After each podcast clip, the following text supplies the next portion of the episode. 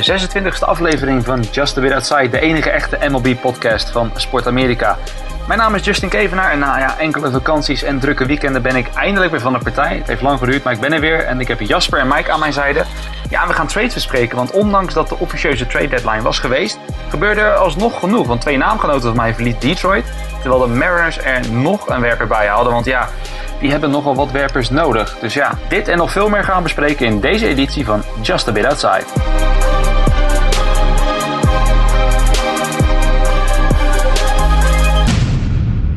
Ja, en zoals elke week gaan we natuurlijk weer naar het moment van de week. En ditmaal begin ik bij jou, Mike.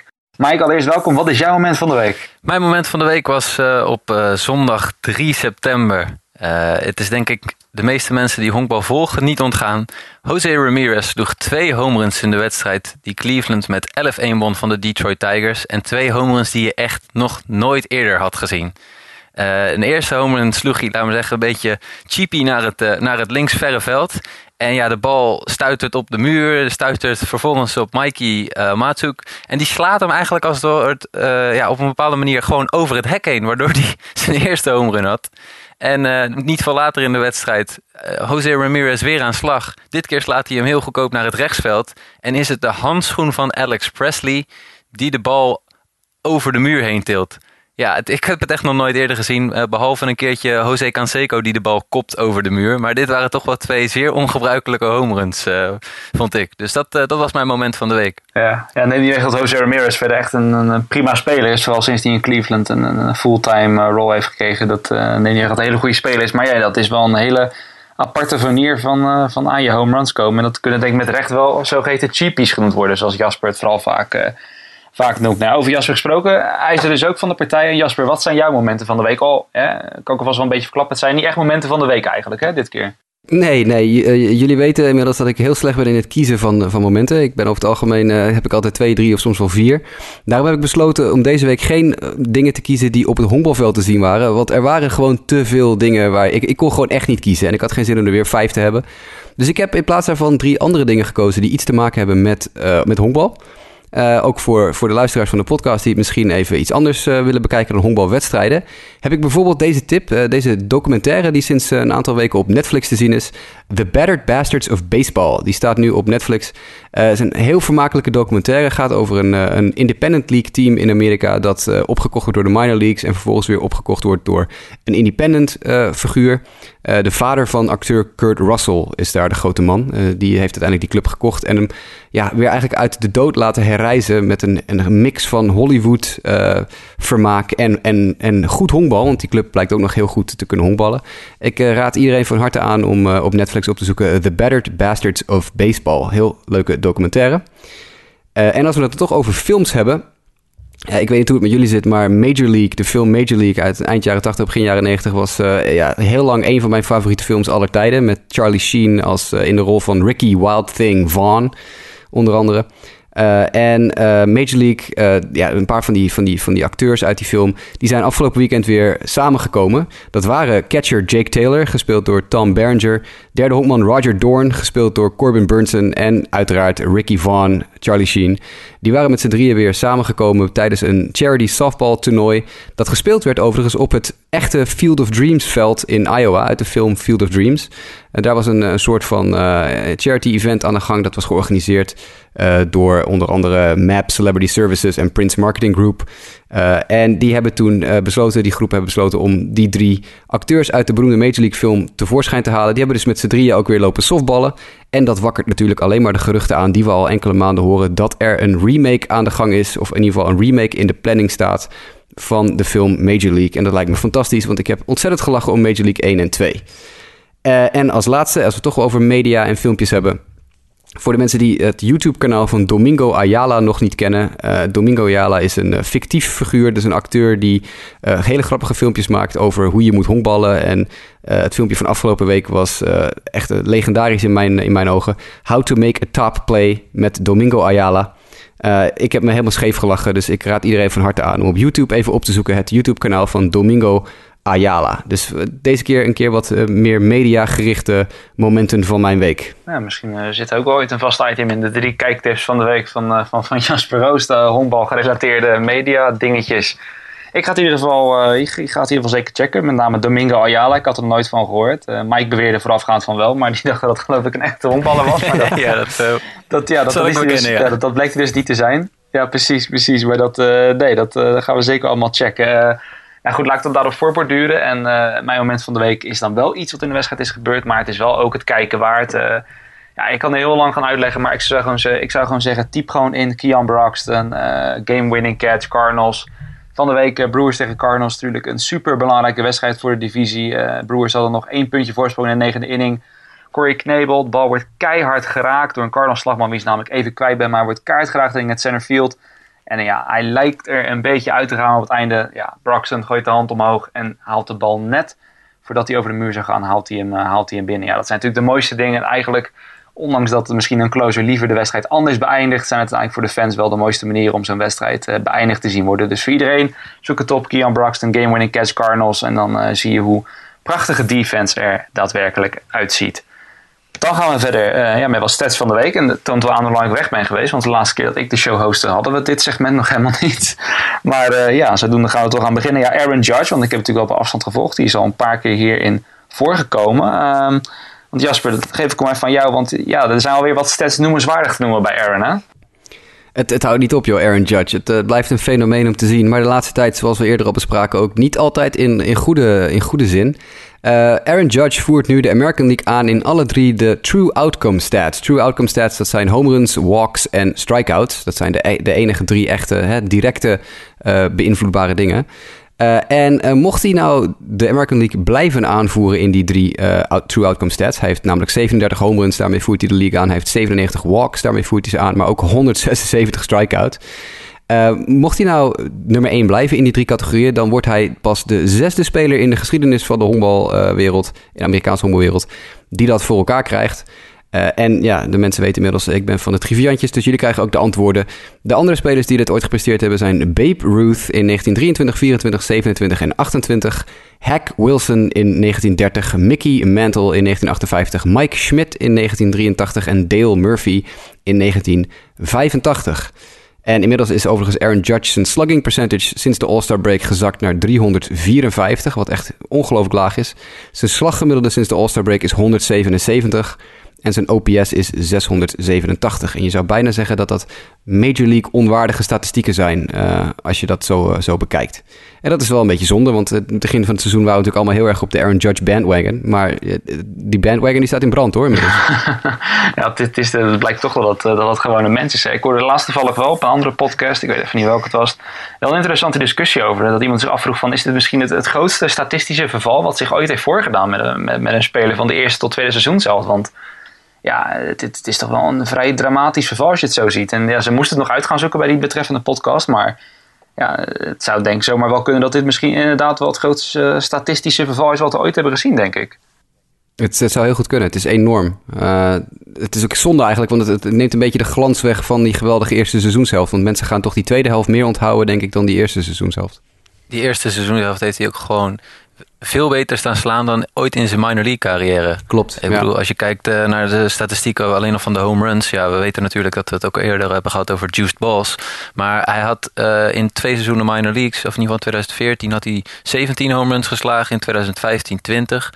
Uh, en in 2016 19. En nu had hij de eerste seizoen zelf er al 30. dus ja, dat is wel. Hij heeft gewoon een ontzettend goede eerste seizoen zelf gehad.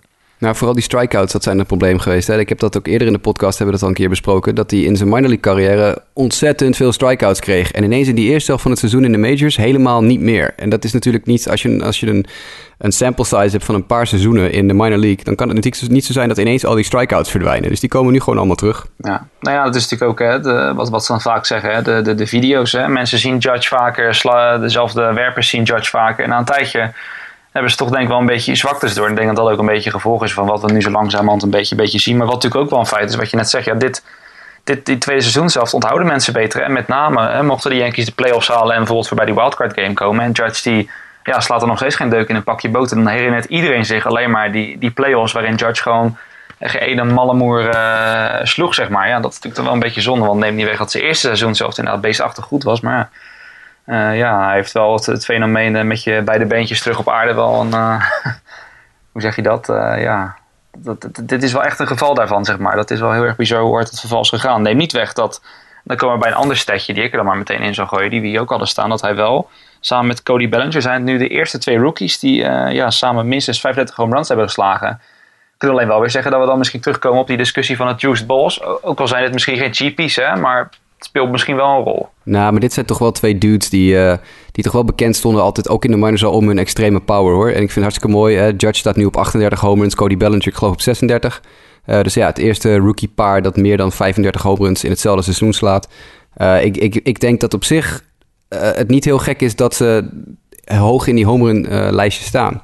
Maar uh, ja, die juice balls discussie die blijft dit hele seizoen. Zal daar, zal daar, als je daarop terugkijkt, zal je daaraan denken, denk ik. Ja, dat is dan, dan kan je zeggen. En misschien dat ze het inderdaad hiervoor ook wel hadden gehaald. Dat, is, dat kan je ook wel zeggen, dat is dan dus het nadeel. Dat het altijd een beetje aan ze zal kleven in het opzicht. Uh, maar goed, neem niet weg dat het nog steeds uh, natuurlijk twee op zekere hoogte fenomenen zijn. Laten we vooral hopen dat, vooral in het geval van Judge dat hij gewoon weer de weg omhoog inzet. Want dat zou natuurlijk geweldig zijn als deze twee spelers hun ontwikkeling zo voort kunnen zetten gaan we wel van twee jonkies uh, ja, naar de opa van de majors. Uh, Bartolo Colon. Ja, ik heb natuurlijk een, uh, een groot zwak voor hem. En nou ja, ik wilde hem eigenlijk aan Mike geven, maar laat ik hem aan jou geven, Jasper. Omdat aangezien jouw clubje, de White Sox, in een rol spelen. Want ja, Bartolo stond tegen de White Sox. Maar dat was wel een vrij opmerkelijke statistiek uit die wedstrijd, hè? Ja, je gaat het niet verzinnen, want Bartolo Colom, we hebben het al een aantal keer besproken de laatste paar weken. Natuurlijk een echte veteraan, ontzettend oud al. En uh, we hadden vorige week of twee weken geleden, ik geloof twee weken geleden, het statistiekje dat hij nu een win had tegen elk team in de majors, enzovoort, enzovoort. En nog maar twee stadions waar hij nog moest spelen, enzovoort. Dus je gaat ervan uit dat iedereen en alles heeft Bartolo Colom wel een keer gezien. Maar wat is de kans dat van de week gooide uh, Colon voor de Twins tegen de White Sox, dat geen enkele speler in de line-up van de tegenstander van Bartolo Colon ooit tegen Bartolo Colon had geslagen. Nou, dat was dus het geval in die wedstrijd van de week. Geen enkele White Sox-speler die in die wedstrijd speelde... had ooit één slagbeurt gehad tegen Bartolo Colon. Nou, dat is natuurlijk bijna onmogelijk. Dat kwam vooral omdat uh, Jose Abreu toevallig net twee dagen geblesseerd was. Die had wat last van zijn elleboog. Uh, die had anders namelijk wel een keer Bartolo gezien. Maar er stond geen enkele White Sox-speler op het veld die ooit een slagbeurt had gehad tegen Bartolo. En dat vond ik uh, ja, het vermelden waard. Dat, uh, die, die kans is gewoon heel erg klein, denk ik. Nou, ik wil het zeggen, waarschijnlijk omdat dus, hè, wat je zegt, Abreu deed niet mee. En we hadden het vooraf over Saladina deed dus ook niet mee, hè? Nee, Saladino zat ook op de bank inderdaad, ja. Nou ja, dus, precies. Nou ja, dan krijg je denk nou wel een line-up met allemaal jongens erin die nog niet geboren waren toen Bartolo al debuteerde in de majors. Dus ja, dan zou je kunnen zeggen, in dat opzicht is het dan misschien misschien wat logischer. Maar ja, het blijft wel heel erg mooi ook om te zien dat hij toch al bij de Twins nu blijft hangen. Ik bedoel, de Twins doen het zwaar leuk. Staan tweede in de wildcard race. En Bartolo wint gewoon wedstrijden met ze. En dat is wel, uh, wel heel grappig om te zien. Dus uh, gelukkig ja, kunnen we het hopelijk nog vaak over hem hebben in het vervolg uh, van deze show. En dan de laatste stat van de week die we hebben. Dan hou ik hem even bij mezelf. Want het gaat over de Seattle Mariners. En zoals jullie weten, ik heb eigenlijk een soort van twee bandwagons waar ik af en toe tussen hop in de American League en National League. In de American League dus de Mariners. Want ja, die hebben Mike Leake gehaald. Alleen ja, de statistiek die er dan bij hoort, is dat Mike Leake, die heeft dus van de week voor het eerst gestart voor de Mariners. Deed hij overigens zeer verdienstelijk. Maar hij was daarmee de 38ste verschillende werper die ze dit jaar gebruikten. En dan, dan nou ja, 38 klinkt als een hoog aantal. En het is ook inderdaad hoog, want het record staat op 40. En dat staat op naam van de Texas Rangers. Dat van nog niet zo heel lang geleden, uit 2014. En ja, nou ja, het toont denk ik in ieder geval aan waar het probleem zit uh, van de Mariners, als ik dat meteen zelf mag toevoegen. En het grappige is nog wel, eigenlijk officieus zitten ze al op 40. Uh, waren het niet dat twee mensen die hebben ge geworpen, dat zijn Carlos Ruiz, de bekende oude catcher van 38, en Mike Freeman, een beetje een, een, een do-it-all uh, position player die de Mariners af en toe gebruiken. Maar goed, zonder die mensen zitten ze op 38 en ik denk dat als wij onderling een spelletje zouden spelen zonder baseball reference erbij te houden van, nou ja, noem zoveel mogelijk Mariners pitches op, dat dat het zelfs al moeilijk wordt om op de helft te komen, denk ik. Dat, en mij oh, zou het in ieder geval niet lukken. Nou, ja, absoluut. Ik, ik denk dat ik niet eens tot de helft kom, joh. Ik, ik denk dat ik wel redelijk goed zou zijn in de categorie benoemen welke er allemaal op de disabled list zijn geweest. Maar inderdaad, benoemen wie er allemaal heeft gestart in plaats van hun. Nee, dat, uh, ja. dat wordt lastig. Nou ja, dat is dus het ding inderdaad. Als je kijkt op de, momenteel op de, de disabled list. Als je leaks zou toevoegen aan die pitchers die nu op de disabled list staan. Dan hebben ze Felix Hernandez die dan op de disabled list staat. Die Sashi Iwakuma al een tijdje James Paxton die natuurlijk erop ging. Dan heb je nog Drew Smiley die al voordat het seizoen überhaupt begon al erop kwam. nou ja, als je die al dan naast League zou zetten, stelt die allemaal er zouden zijn geweest. Ja, Wereld van verschil. Best wel een goede rotation. Ja, maar ja, daar, daar is het ook inderdaad. Want we hebben ook geloof ik iets van, ik had het net nageteld, 17 à 18 werpers die hebben überhaupt gestart voor de Mariners in de wedstrijd. Nou ja, dat, dat, is ook best wel een hoog aantal. Ik bedoel, de meeste teams die hopen toch wel, hè, die beginnen met een vaste vijf en die hopen dan, dan zo min mogelijk uh, mensen uit te verliezen. Ja, dat je dan met 16 à 17 startende werpers überhaupt voor de dag moet komen, dat, uh, dat zegt genoeg over de problemen van de Mariners. En dat gezegd hebben, dan gaan we door naar de nieuws en notes van deze week. MLB News en Notes. Ja, want we zeiden het net al, hè, de, de officieuze trade deadline was al eerder. En er zullen misschien mensen die daar niet heel erg bekend mee zijn denken van... Hè, jullie hebben van de week eh, toen die show gehad en dan je het over de allerlaatste trades. En toch zijn er nog allemaal spelers nu getransfereerd. Uh, nou ja, Jasper, jij bent dan een beetje de, de encyclopedie van alle regeltjes en dergelijke. Leg ons eens uit, hoe kan het dan nog dat er nog zoveel Major Leaguers last minute toch nog zijn geswitcht van ploeg? Nou, dat heeft alles te maken met, we hebben natuurlijk de eerste, de eerste trade deadline is altijd 31 juli. Die hebben we uitgebreid besproken. Daarna heb je de hele maand augustus nog ruimte voor waiver trades. Dat hebben we een aantal podcasts geleden uitgelegd hoe dat met waiver trades werkt. Maar ook aan die trade-periode komt een soort van einde. Dat wil zeggen, er komt niet echt een einde aan de periode, maar 31 augustus is de, de deadline voor playoff roster toevoegingen. Dat wil zeggen, als een, een team nog uh, een speler wil toevoegen aan, zijn, aan de ploeg die kan kwalificeren voor de playoff roster, die dus toegevoegd mag worden aan het team en in de playoffs mag spelen, moet dat voor 31 augustus gebeuren. En dus zie je op die laatste twee, drie dagen voor de, de 31 augustus deadline nog plotseling vaak wel eens wat tradejes hier en daar. Het zijn nooit hele grote trades. Dat was dit jaar volledig anders, want het ging helemaal gek en helemaal los in de majors. Maar dat is dus de reden dat er aan het eind van augustus vaak nog een paar deeltjes hier en daar gesloten worden, omdat teams die richting de playoff gaan nog eventjes één of twee uh, spelers willen toevoegen aan hun roster. En dat mag dus na 31 augustus niet meer. Dan mogen die spelers niet meer uitkomen in de playoffs. Nee, goed, en zodoende dus waren er heel wat teams. Ik bedoel, naar mijn idee was het wel drukker dan vorig jaar als ik het zo snel, uh, zo snel bekeek. Want uh, ja, toch nog wel flink wat spelers en ook flink wat grote namen. Niet dat het kleine namen zijn die dan van Team maar best wel toch gerenommeerde namen die nog last minute naar, naar playoff teams gaan. En laten we allereerst verder gaan op Mike Leake, want ik zei het net al. Mike Leake, een 29-jarige werper, dus naar de Seattle Mariners. En ehm, ja, voor de Mariners, ja, Jerry Polo die kan gewoon niet stil blijven zitten. Laten we het zomaar verklaren. Die, die, die moest en zou wat doen. En de Mariners die blijven maar verwikkeld in die knotsgekke AL wildcard race. Zitten daarnaast ook gewoon vol van, hè, wat we net ook hebben genoemd, de blessures met werpers. En hebben gewoon echt iemand nodig die ertussen komt. Nou daarbij viel de keuze op, uh, op Mike Leake. Wat dan vooral vanuit het perspectief van de Cardinals werd verklaard als een deal die, ja, om het salaris van Leake uh, eraf te halen. Dat, dat zou dan weer te maken kunnen hebben met dat ze Lance Lynn dan weer eventueel zouden kunnen resignen, dat de kans daarop in ieder geval groter zou worden. Uh, ja, nou ja, kijk, als Seattle Marathon ben ik allicht niet uh, heel erg unbiased. Ik bedoel, ik heb League één keer zien starten, dan zie ik het goed uh, dat hij goed bezig was. En dan vind ik het helemaal prima. Maar bijvoorbeeld Mike, hoe kijk jij naar deze, naar deze trade? Ja, wat je zelf al aangeeft is dat uh, Seattle gewoon zoekt naar pitching. En op zich is Mike Leake best een, een bewezen pitcher op Major League niveau die gewoon je innings vol kan gooien. Dus ik, ik begrijp deze move vanuit Mariners perspectief best wel. wat je nou ook al aangeeft, en Jasper ook, is je hebt deze, het is gewoon super actief geweest rond die 31 augustus. En dat heeft in mijn in mijn, naar mijn mening ook gewoon te maken met dat er heel veel teams nog steeds net 1, 2 pieces missen om echt de playoffs te kunnen gaan halen. Dus ik denk gewoon dat Jerry DePodo uh, ja, zekerheid, meer zekerheid wilde hebben en zodoende Mike Leake erbij heeft gehaald. Als je ziet wat er ook uh, weggegaan is voor Mike Leake, naar St. Louis is gegaan Raider Escanio. Ja, dat is gewoon een, een, een, ja, een Class A uh, minor leaguer met ja, niet heel veel talent. Ik weet niet of Jasper daar meer over kan zeggen. Maar dit, was gewoon duidelijk een move van de Mariners om, om, om in ieder geval een starting pitcher uh, te halen die fit is. Nou, het is inderdaad niet zo'n heel erg uh, indrukwekkende speler hoor. Ik denk dat het ook vooral te maken had met natuurlijk de, de deal op zich. Hè. Dat is niet alleen voor die speler. Uh, Seattle krijgt ook 750.000 dollar in international bonuspool geld. En de Cardinals sturen ook nog even 17 miljoen dollar in cash mee. Uh, voor, dat, uh, voor die deal. Dus ja, op het moment dat je natuurlijk heel veel cash vraagt... de Mers hebben waarschijnlijk leak plus cash gevraagd... dan wordt natuurlijk de return wordt, uh, wordt wat... ja, dat, is, het is niet heel erg indrukwekkend. Leaks contract is ook wel een probleempje. Daar wil ik nog wel even ook bij stilstaan. Want die dude verdient wel echt heel veel. En de Mariners hebben al een stevige payroll. Die hebben natuurlijk al een paar stevige contracten... op de payroll staan met nou, Robinson Cano onder andere... Maar uh, Leak verdient nog wel eventjes uh, volgend jaar 17 miljoen dollar. Nou, dat kunnen ze dan mooi het, het geld gebruiken dat ze van uh, St. Louis krijgen.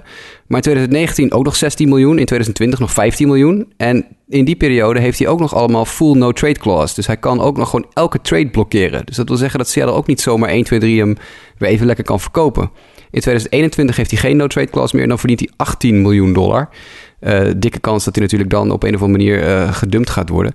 Maar dit is een stevig contract hoor, dat de Mariners eventjes nog binnenhalen. Nou ja, dat zag je inderdaad. Ik zit het nu, terwijl we dit zeggen, inderdaad een beetje te bekijken op de spot track waar je een beetje alle salarissen bij kan houden. En dat je net ziet bij de Mariners, de enige twee met een grote cap hit in de toekomst zijn Felix Fernandez en Robertson Cano. Nou ja, dat geeft wel aan dat er dus nog wat, heel, wat jongens, heel wat jongens onder hem staan. Ja, het contract is inderdaad is inderdaad dik, maar ik denk dat het inderdaad gewoon een move is. Uh, ik denk niet eens gericht alleen maar op dit jaar, maar dat als je ziet hoeveel startende werpers dit jaar de Mariners zijn verloren aan blessures. En nou ja, Mike Leake is toch wel redelijk een zekerheidje. Ik geloof dat er ook zoiets was dat hij al in tijden eigenlijk ook geen, uh, geen, geen starts heeft gemist. Dus ja, hij biedt wel de zekerheid dat er tenminste een enigszins capabel iemand op de heuvel staat. En dat, dat, dat kan denk ik toch wel de nodige stress uh, wegnemen bij een, bij een GM en een coach. ja, neem niet weg dat dat wel heel veel geld is. Uh, en het is daarnaast ook wel grappig om te vermelden. Het is ook wel de eerste keer dat Mike Leake in de American League pitcht. Dus je zou kunnen zeggen, is misschien nog een risicootje uh, daarbij hebben. Het is toch vaak een soort transitie. En voor Mike zelf, het is ook best wel een, een aardige hitter, geloof ik. Uh, aan slag kan die best wel wat als werper zijn. Dus nou ja, hè, laten we wel zeggen, als de Mariners ooit de World Series halen... moeten ze in zorgen dat Mike Leake op de dagen werpt dat ze in het National League Stadion spelen. Dan weet ik niet of dat realistisch is om nog te vermelden dat ze daar kans op maken. Maar hè, je weet het nooit. Er zijn gekkere dingen gebeurd de afgelopen jaren. Maar uh, nou ja, ik ben in ieder geval benieuwd. De eerste start was veelbelovend. En ja, het kost heel veel geld. Maar laten we hopen dat hij dat toch op uh, een of andere manier waard zal zijn. Nou ja, over veel geld gesproken. Uh, de Detroit Tigers hebben het er in voorgaande shows al vaker over gehad. Ja, die, die moeten gewoon opnieuw beginnen. Die moeten gewoon geld dumpen. En ja, dat hebben ze zeker wel gedaan, of niet Jasper? Zo, zeg dat. Ja, die hebben eventjes uh, in, in, minder dan 12 uur 170 miljoen dollar, meer dan 170 miljoen dollar gedumpt. Ja, goedemiddag hé. Ja, dat waren twee deals. Hè. Ja, het kan de luisteraars niet ontgaan zijn. Ten eerste was daar de deal voor Justin Upton. Een paar uur voor het verstrijken van die, uh, die beruchte deadline. Die heel verrassend door de Anaheim Angels binnengehaald is. in ruil voor Grayson Long, werper Grayson Long, AA-werper, best wel aardige werper. met nog wat cash of een player to be named later. Uh, er is intussen ook door Detroit ongeveer 1 miljoen dollar meegestuurd met Justin Upton. Dat is om een klein beetje bij te dragen aan de kosten voor het contract van dit jaar. Uh, Upton heeft namelijk dit jaar nog 3,5 miljoen dollar te goed. Nou, daar wordt dus 1 miljoen dollar door Detroit betaald. Uh, Grayson Long gaat naar de Tigers. Nou ja, dat is ja, niet, een, niet de speler waarvan ik denk dat we heel veel van gaan zien de komende jaren. Maar wel een aardige, aardige werper. Um, deze deal kwam heel interessant tot stand. Justin Upton schijnt namelijk eh, ongeveer een dag voor het eh, verstrijken van die deadline bij Detroit te hebben aangegeven. Uh, jongens, ik heb een, een opt-out clausule in mijn contract. Dat betekent dat ik na dit seizoen kan zeggen: Oké, ik wil mijn contract laten ontbinden. En ik wil de vrije markt op.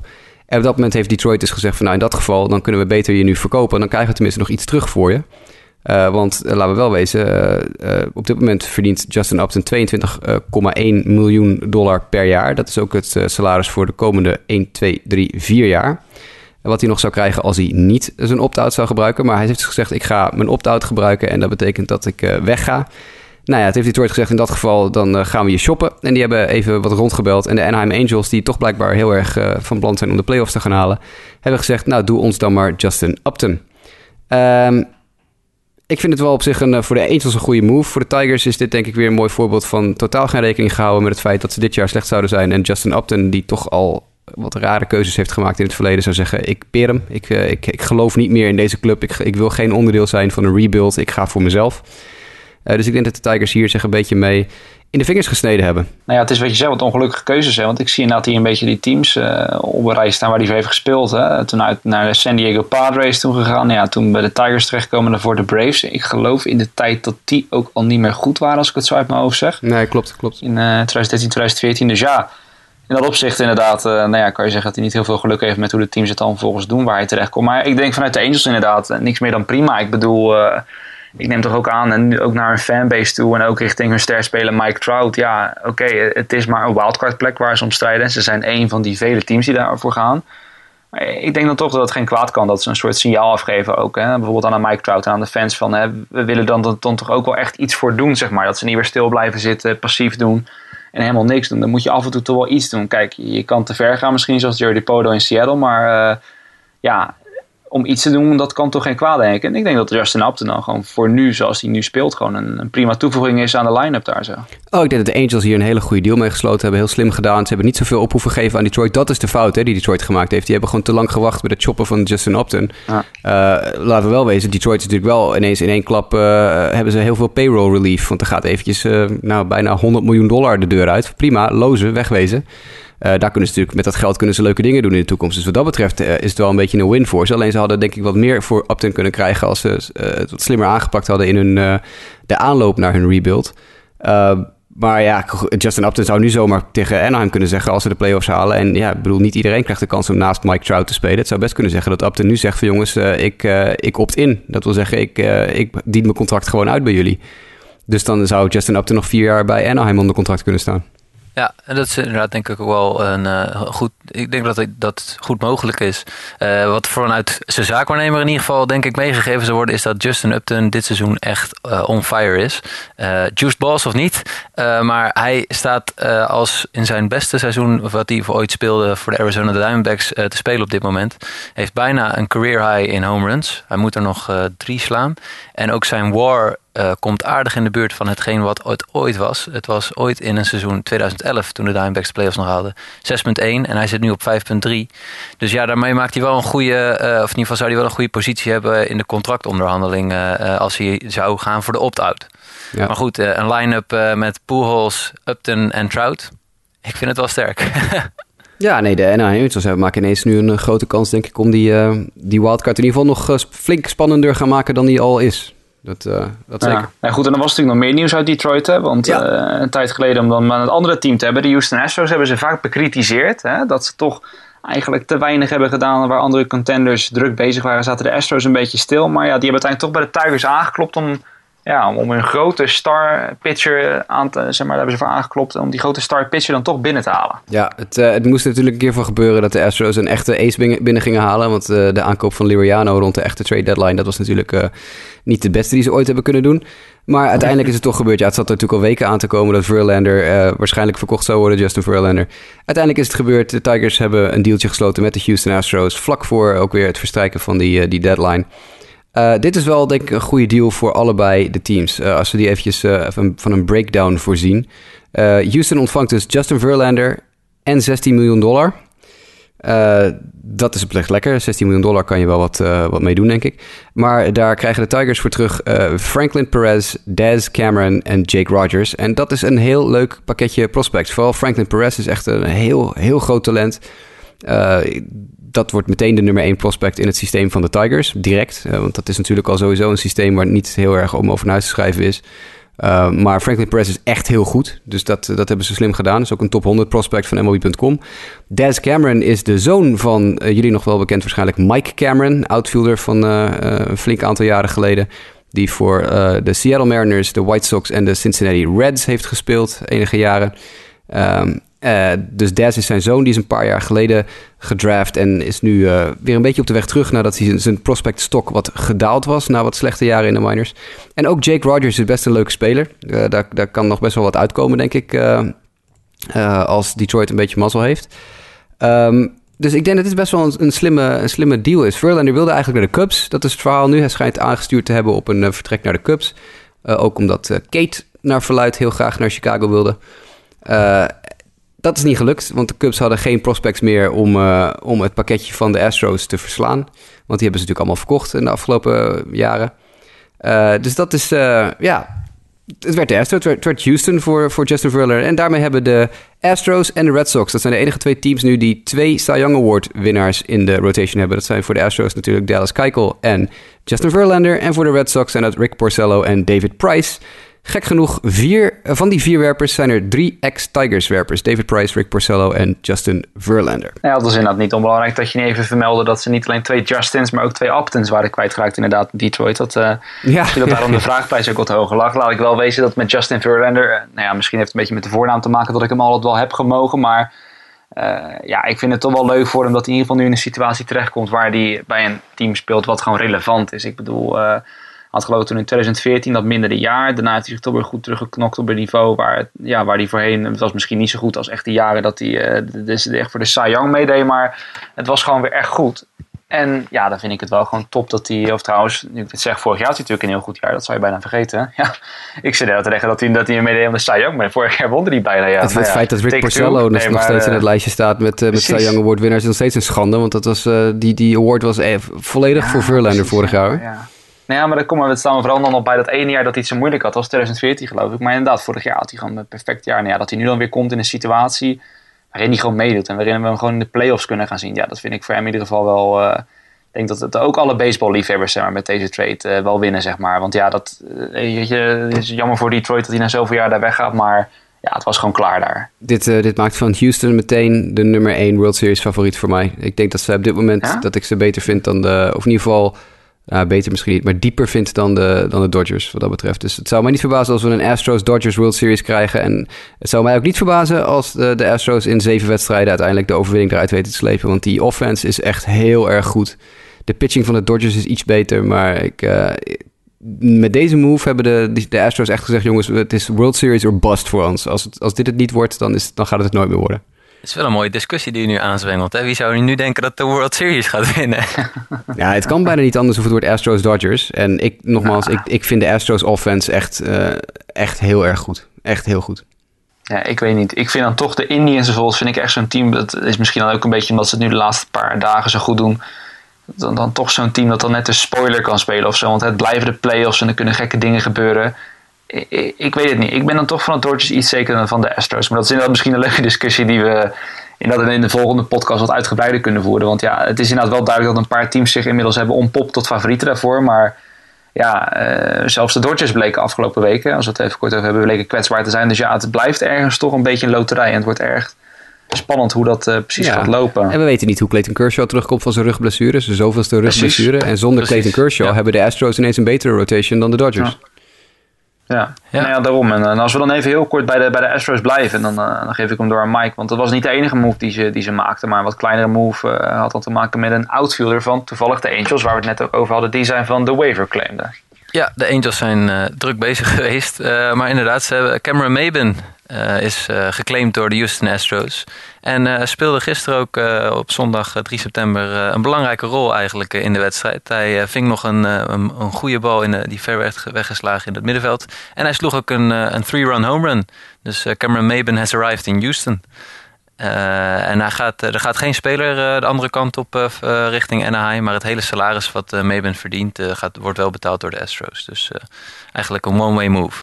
Nou ja, het is alleen nog wel te hopen voor de Astros. Want ik kan me herinneren, bij de Angels begon die het jaar geloof ik heel goed. Eh, vooral toen in een periode dat Trout eerst geblesseerd was. Dat, dat was al zo'n moment dat mensen dachten dat hij op het niveau van Trout zou eh, kunnen gaan blijven spelen. Maar dat verval, dat trad toch wel redelijk snel in de na. Het is, eh, ja, wat moet je ervan zeggen? Maybe hij is oké, maar eh, blessuregevoelig. En ik denk dat hij bij Houston toch vooral er wel bijschaalt als, eh, ja, als extra piece voor de, voor de depth eventueel die je kan gebruiken. Maar niet meer dan dat, lijkt mij.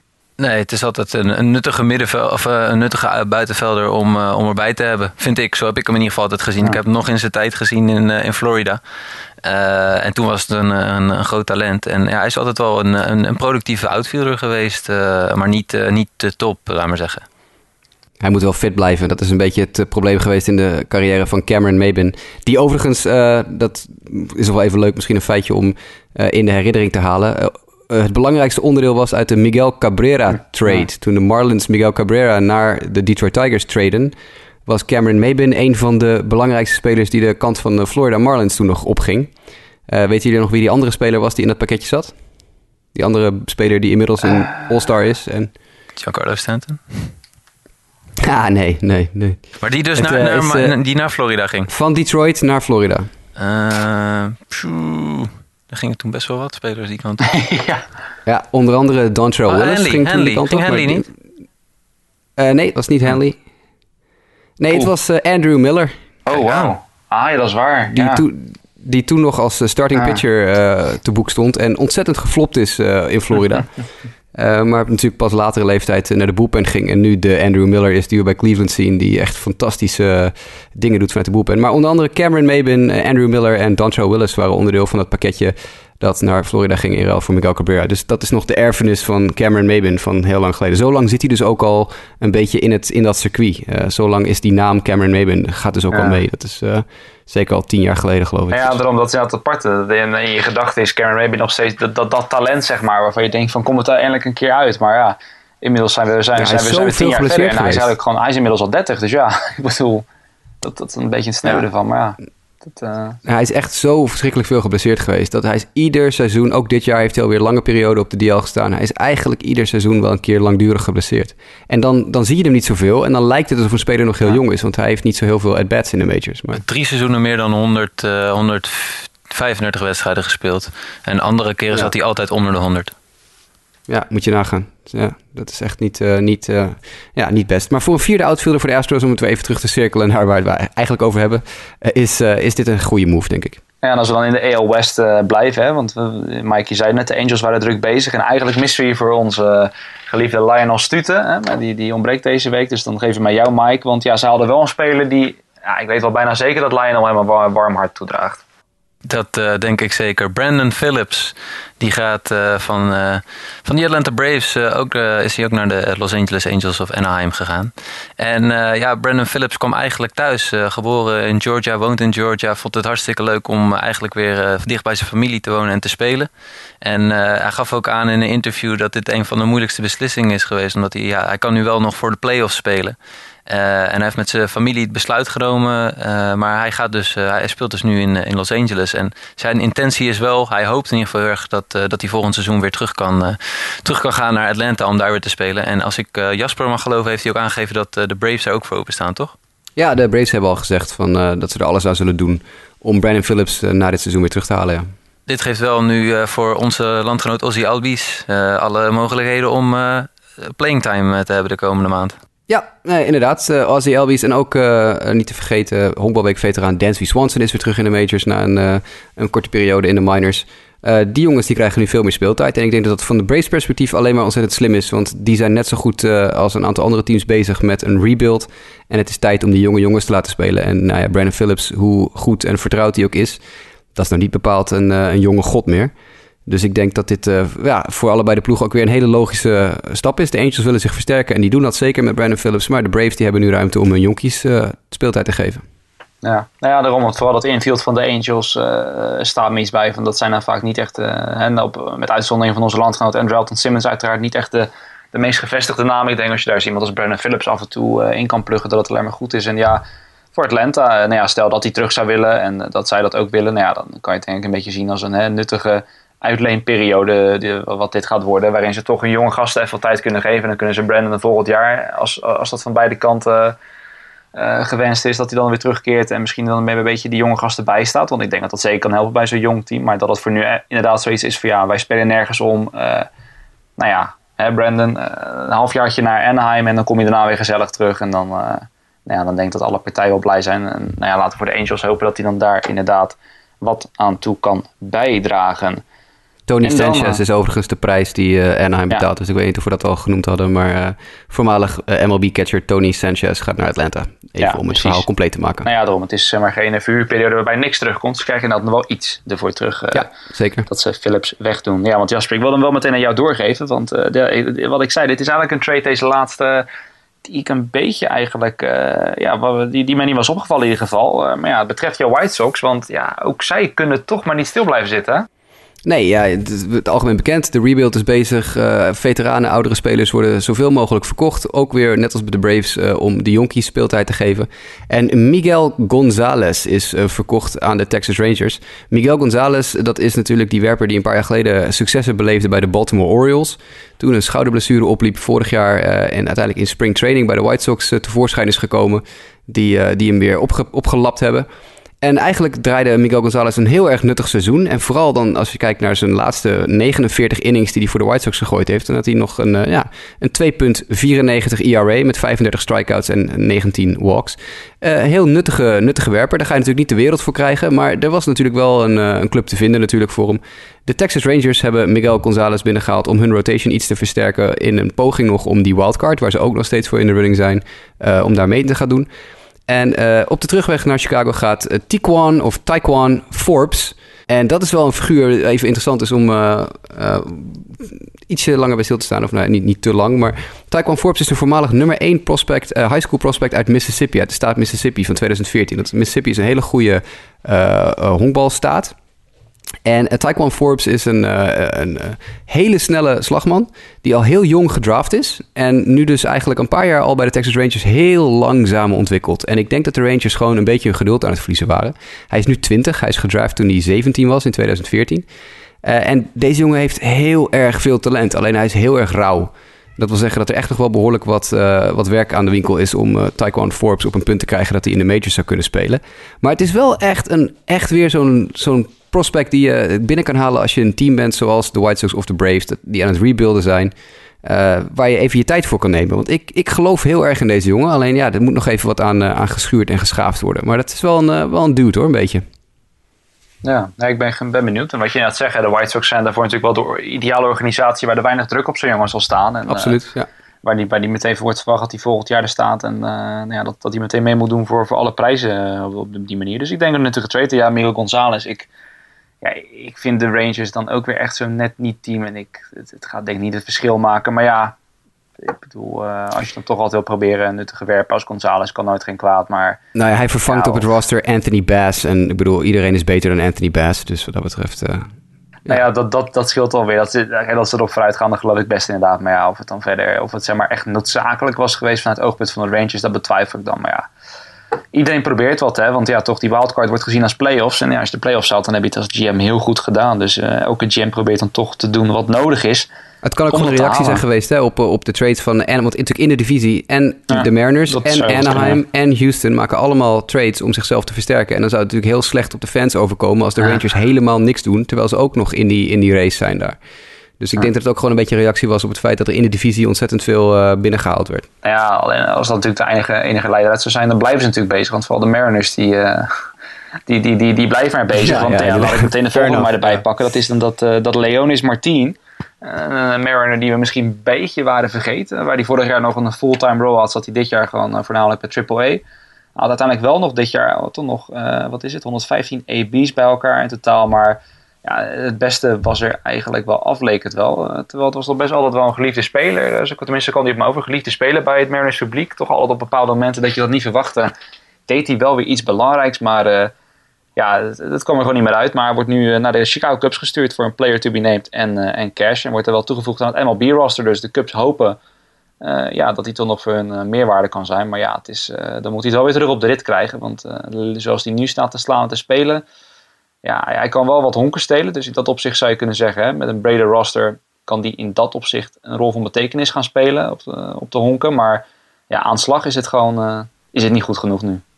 Nee, ja, en dat is ook precies wat de manager Joe Maddon heeft aangegeven wat hij nodig had bij de Cubs. Was in ieder geval speed on the bases en een, good, uh, een, een goede outfield arm. En ja, dat, dat halen ze op zich met Martin wel binnen. Ja. Maar offensief inderdaad, uh, vorig jaar dus inderdaad een starting outfielder bij de, bij de Mariners. En dit seizoen uh, twee keer toe demoted naar AAA. Dus ik ben benieuwd welke rol die gaat spelen. Maar wellicht aangezien de Cubs op koers liggen voor de postseason, aanvallende pinchrunner kan hij wel een, een, een belangrijke rol gaan spelen. Ja, het is toch ja. ook het, het, het vermelden waard dat uh, Martin in zijn Texas Rangers tijd echt ontzettend goed was. Toen naar de Mariners is gegaan en daar helemaal nooit wat gepresteerd heeft. Dus dit kan wel ja, weer een, een, categorie zijn, change of scenery. Dat Martin nu ineens in, in, een, in een ander team, waar ook wat, misschien wat de sfeer anders is. De club waar de sfeer anders is, andere coach, weet ik veel. Martin heeft echt wel ontzettend veel talent hoor. En dat heeft hij bij de Rangers toen nog laten zien een paar jaar geleden. Misschien ja. moest hij gewoon even weg uit Seattle. Misschien hield hij niet van de kou, van de regen. uh, nou ja, dan moet je natuurlijk niet naar Chicago gaan. Want dat is ook over het algemeen niet het de, de allerwarmste en droogste stad van Amerika. Maar toch, uh, ik denk dat er nog wel een, iets voor te zeggen is dat Leonis Martin nu een, een change of scenery kandidaatje is. Waardoor hij uh, misschien weer opbloeit tot het, uh, tot het niveau dat hij een paar jaar geleden had. Ja. Hij, hij, sprak in ieder geval op Instagram warme woorden over, over Seattle.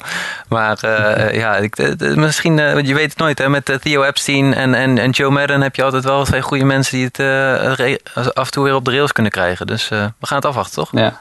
Nou ja, wat, wat Jasper dan aan had, hè, zo dan heel korte bijlijf. Nou, 2014 was denk ik dat team best wel een goed jaar had, zie ik. Best wel een goed slaggemiddelde, veel gestolen honken dat hij wel bijna een everyday player was. En het jaar daarna, ja, het staat me niet meer bij wat er is gebeurd. Maar zo te zien heeft hij of iets met blessures gehad. Of dat hij toen ook al uh, een keer is demoted. Maar toen ging het slaggemiddelde al omlaag. En nou ja, toen is hij naar Mariners gegaan. Toen is het weer een klein beetje omhoog gegaan. Om vervolgens nou ja, dit jaar gewoon uh, meteen naar Triple A gestuurd te worden. En die paar keer dat hij kwam, helpt dan misschien ook niet voor het zelfvertrouwen van zo'n jongen. Dat, dat je dan af en toe mag terugkomen. En dan staat meteen de druk erop natuurlijk om te presteren. Wat dan vaak je slaggemiddeldes en dergelijke niet, uh, niet ten goede komt. Maar we, we gaan het inderdaad in de gaten houden. Laten hopen dat hij voor de Cubs een rol van betekenis kan gaan spelen. En ja, misschien zit er dan nog wel aan het einde van het jaar een prijs voor hem in. Het is wel een leuke, leuk figuur ook hoor. Want ik zal nooit vergeten, dat was het, ik weet niet of het dit seizoen of vorig seizoen was, dat hij op zijn verjaardag tijdens springtraining met de Mariners een uh, mariachi band had laten komen. En ja, die, klopt, heeft hem de, die heeft hem de hele dag achtervolgd tijdens de hele dag springtraining. Alles van het stretchen tot het warm gooien, tot, het, tot de wedstrijd spelen, tot batting practice, noem maar op. De hele dag liep er een mariachi band achter hem aan op zijn verjaardag. En dat is natuurlijk ook wel vrij hilarisch. Ja, ja. ja dat, is wat, dat, is wat ik zei. Hij lag wel goed bij de fans en ook bij de groep geloof ik. Dus nou ja, misschien dat dat ook nog wel een rol kan spelen. Dat zijn team zich daaraan optrekt. Maar uh, we gaan het zien. Uh, nog tot slot een andere jongen die een change of scenery heeft. Dat is Juan Nicasio.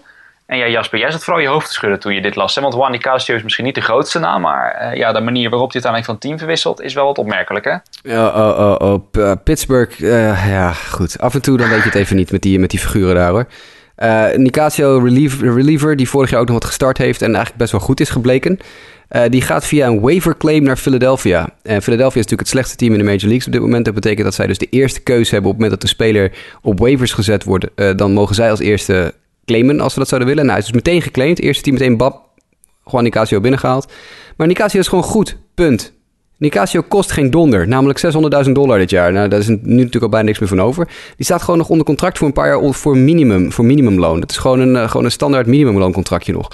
Uh, ik snap je helemaal niks van. De, als je nou zegt, oké, Pittsburgh gaat nergens heen... die moeten spelers met dikke contracten lozen, prima. Dat, dat, is allemaal volkomen acceptabel. Maar Nicasio is gewoon goed en kost helemaal niks. Waarom zou je die in hemelsnaam weggeven via een waiverclaim? Geef hem niet... Ik bedoel, als je dan van hem af wil... Laat dan tenminste Philadelphia nog een, uh, een spelletje terugsturen. Of een beetje cash uh, die kant op sturen of zo. Maar hij is gewoon weggegeven. Voor helemaal niets. Ik, ik, dit is weer, nou ja, goed. Dit is weer Neil Huntington, uh, Pittsburgh Pirates. Dit, dit, dit, dit, is gewoon ontzettend dom. Het is gewoon ontzettend dom. Philadelphia heeft hier weer gewoon weer een goede zet mee gedaan ook. Ja, nou ja, de Pirates, inderdaad zo'n team wat me vaak dan, uh, ja, dat je je afvraagt van, is dit nou een move die bedoeld is om, om meer te gaan winnen? Of gaan ze nou rebuilden? Dat vraag ik me vaak af bij, dat, bij die deals van hen. Het ja, blijft een wat, wat curieuze organisatie. En ik zei het vooraf, toevallig is er wel een leuk boek over, Big Data Baseball. Dat gaat een beetje over die tijd. Het is dus denk ik 2013, 2014, uh, dat Clint Hurdle er al twee jaar zit. En dat de druk om dan eindelijk een keer winning season te hebben uh, dusdanig groot worden dat ze ook echt overgaan op het inhuren van statheads. En uh, daar dan al vooral op, op defense, uh, op defensive gebied manieren proberen te zoeken om wedstrijden te winnen. Nou ja, dat lukt op zekere hoogte, want ze halen dan voor het eerst in jaren halen ze de postseason. En ja, maar dan zie je dit soort dingen voorbij komen en denk van nou, ik zit zo'n boek te lezen over hoe slim ze wel niet zijn, maar blijkbaar ja, misschien zit er wel een gedachte achter. Een hele goede gedachte waarvan wij helemaal niks weten als outsiders. Maar dan, ja, moet dat misschien te zijn de tijd naar buiten komen. Hè? Misschien dat hij bij Philadelphia helemaal uh, er niks meer van bakt. Maar als ik zo kijk, uh, op het moment dat we dit opnemen, heeft hij al 1.1 pinning, inning geworpen en heeft hij nog niks opgegeven. Nee. Uh, geen hits, geen runs. Dus nou ja, zijn start laat in ieder geval zien dat uh, niks mis met hem is. Dus, uh. ja, ik begin me sowieso bij Pittsburgh een beetje af te vragen. Ze zijn natuurlijk een paar jaar lang enorm uh, opgehemeld ja. vanwege het feit dat ze... Ja, ze hadden natuurlijk achter elkaar waardeloze seizoenen. Dus hele hoge draft picks. En dat minor league systeem was op een gegeven moment echt... dat was de juf van het. Maar er komt niet zo heel gek veel uit. Want heel veel van dat soort jonge gasten die langzamerhand een beetje aan het doorbreken zijn, tussen aanhalingstekens, daar word je niet heel gelukkig van op dit moment. Eigenlijk is Garrett Cole de enige geweest die nog iets productiefs heeft gedaan. Ja. Maar er komt er een heel slootje andere werpers achteraan. Hè? Jameson Tyone en, en, dat soort jongens. Die nog niet helemaal een plek gevonden hebben. En dat kan natuurlijk nog, ze zijn nog jong, dus het is nog geen man overboord. Maar ook Austin Meadows, hun super, super prospect, de nieuwe Mike Trout werd hij genoemd, die in AAA zit, heeft dit, dit jaar echt een afschuwelijk seizoen. Uh, dus ik begin me toch een beetje achter mijn oren te krabben of Pittsburgh wel misschien uh, niet helemaal precies weet waar ze mee bezig zijn. Nee, ja, misschien een typisch zo'n geval van een team dat eigenlijk dan, hè, je zegt ze hebben jarenlang die hoge draft picks gehad. En nu zitten ze elke keer een beetje middle of the road, uh, af en toe playoffs, af en toe niet. Dat dit misschien wel eigenlijk het plafond is wat ze hebben bereikt. En ja, dat ze dan toch moeten gaan kijken van, gaan ze toch nog een poging wagen om ergens vol in te zetten. Maar ja, de Pirates zijn traditioneel niet zo'n team dat dat kan. Hè. Ze hebben ook niet echt nee. een, de, de, financiële mogelijkheden om all-out te gaan, zeg maar moet het vaak een beetje met de afdankjes doen en het, het, zelf opleiden, zeg maar. Ja, en dan zou je dus zeggen, dan is misschien een rebuild wel het beste wat ze kunnen doen. Willen ze in die divisie weer, uh, een kans gaan maken. Maar ja, zitten Maar de ze zouden in theorie niet eens hoeven te? Ja. rebuilden. Want ze hebben zo'n ze, ze hebben zo'n op papier enorm vol eh, minor league systeem. Maar in de praktijk komt er gewoon niet zoveel uit. Tyler Glass nou heeft echt een, een rampseizoen. Ja. Eh, nee, ze zijn er nog wel meer. Het, het, is, het is niet... eh, Het loopt, het loopt gewoon niet lekker. Eh, ook eh, jongens die uit de jeugd komen, als een Gregory Polanco en zo... die ook gewoon dit seizoen niet heel super lekker draait. Ook veel geblesseerd natuurlijk. Nou, Starling Marte natuurlijk, ook uit de jeugd. Ook net geschorst geweest voor domme dingen. Eh, het, het, gaat niet lekker daar. Nee. En goed, laten we dan eh, de trades achter ons laten en de waiver claims en dergelijke. En je zegt net, laten we dan van een speler gaan eh, met wie het niet zo lekker gaat... naar een speler met wie het nou ja, ontzettend lekker gaat, Mike. Want eh, we gaan het hebben over een landgenoot van ons. Bij de Baltimore Orioles, daar weet natuurlijk iedereen over wie we het gaan hebben. Maar ja, we hebben nu even wat tijd voor hem ingeruimd. Want ja, hoe hij bezig is, Mike, dat is wel echt gewoon ontzettend goed. Ja, Jonathan Schoop. Het is genieten dit seizoen van Jonathan Schoop. En eh, ja, de titel van, dit, eh, van het eh, segmentje heeft, heeft Jasper volgens mij niet voor niets genoemd. Jonathan Schoop is money. Money in the bank, zeker. 30 home runs dit seizoen en 100 RBI's al. De enige andere Oriole eh, middle infielder die dat ooit deden. Het zijn er twee. Ja, ik kan jullie wel vragen welke dat waren, denk ik. Maar het zijn wel Oriole legendes. De Ja. een de een en de ander de ander. Nou ja, ik heb het hier natuurlijk al voor me staan. Maar ik denk dat, dat Cal Ripken was er denk ik eentje die we allebei wel hadden op kunnen noemen. Zonder Ja. op onze eh, formulier te kunnen kijken. Ja, Miguel Tejada was er eentje geweest die ik misschien uiteindelijk, als ik diep nagedacht had, nog wel had Precies, kunnen gokken. ik ook, ja, want ja. zoveel big name middle infielders zijn er niet geweest bij, eh, eh, bij de Orioles. Maar inderdaad, Cal Ripken, dat was eh, een makkie. Maar Miguel Tejada, ja, dat was de tweede. Ja, ja en hij is, gewoon, ja, hij is gewoon heel goed aan slag. Er stond ook een artikel op, eh, op Fangraphs. Waar, eh, waarin duidelijk blijkt dat eh Schoop dit seizoen eh, ja, het, de volgende stap neemt in zijn ontwikkeling. Hij is dit seizoen een stuk meer gedisciplineerd en, en, en slaat ook niet zoveel meer op ballen buiten de slagzone. En ja, dat komt zijn prestaties enorm ten goede. Als je kijkt naar de afgelopen jaren, eh, hoe hij geproduceerd heeft, ja, dan, dan is hij, of hoe hij gepresteerd heeft. Ja, zijn OBP is nog nooit eh 3,54 geweest en dat is het nu wel. Zijn slaggemiddelde is nog nooit boven de 300 geweest en dat is het nu wel. Zijn home runs, 30, is een, eh, is een record voor hem. Dus eh, ja, hij is gewoon op dit moment heel goed aan het slaan. En eh, het is echt eh, genieten. Ik, ik moet iedere keer als ik de highlights van de Orioles opzet, eh, zit Jonathan Scope er wel in. Ja, nou ja, het is inderdaad. Ik bedoel, eigenlijk als je inderdaad eh, zijn baseball reference pagina eh, voor je zet, is dit een beetje tot dusver de ontwikkeling die je zou willen zien. Hè? Ik bedoel, het begin, hè, even wat wennen. Hè? Dat misschien die statistieken die zijn niet meteen eye-popping en, en, en dergelijke. Maar uiteindelijk komt die vooruitgang dan toch in. En dan is dit jaar ineens, hè, hij is 25, dus hij is in principe in, in in zijn prime zou die nu echt moeten gaan zitten. Het moment dat je echt wil dat een speler echt toegroeit naar echt een, een superster, zeg maar. Eh, ja, laat hij gewoon hele goede dingen zien, inderdaad. En die statistieken die je net opnoemt ook al, en ook de rest. Ja, doen 30 home runs, al 101 RBI's op het moment dat we dit opnemen. Ja, dat, dat zijn toch geen, eh, dat zijn toch geen zullige, stats. En dat, dat laat wel echt zien dat hij de volgende stap heeft genomen. En maakt het alleen maar mooi om ja, nog te kijken wat er nog meer in zit. Hè? Want ik bedoel, hij is pas 25, kunnen we wel stellen. Ja, als hij gewoon fit blijft eh, en, en dat soort dingen. En blessures, hem gespaard blijven, ja. Wat zou er nog meer in zitten? Ik denk dat af. we, dat we Jonathan Schoop kunnen promoveren tot eh, de ons wel eh, bekende categorie dude. Ik denk dat deze gast nu een dude is. We mogen hem nu, eh, denk ik, ja, wel, echt wel zoiets noemen. Dat is, hij is echt een van de beste tweede honk mensen in, eh, in de majors op dit moment, denk ik. Ja. Zeker, ja. Nee, de, eh, José Altuve wordt als enige genoemd eigenlijk als die, Ja. die misschien beter is. Maar eh, hij, staat daar, hij staat zeker in de top 2. Ja, nee, absoluut. Ja, nou, in dat is het dan ook wat leuk om te volgen. De Orioles zijn sowieso goed bezig. En eh, ja, het zou natuurlijk eh, vanuit Nederlands perspectief leuk zijn als zij dan eh, die strijd om de wildcard zouden kunnen winnen. Maar ik kan alvast verklappen, daar gaan we het zo nog even over hebben. Dus die discussie gaan we op dit moment niet aan. Die zetten we even in de koelkast. En dan gaan we verder met iets heel anders.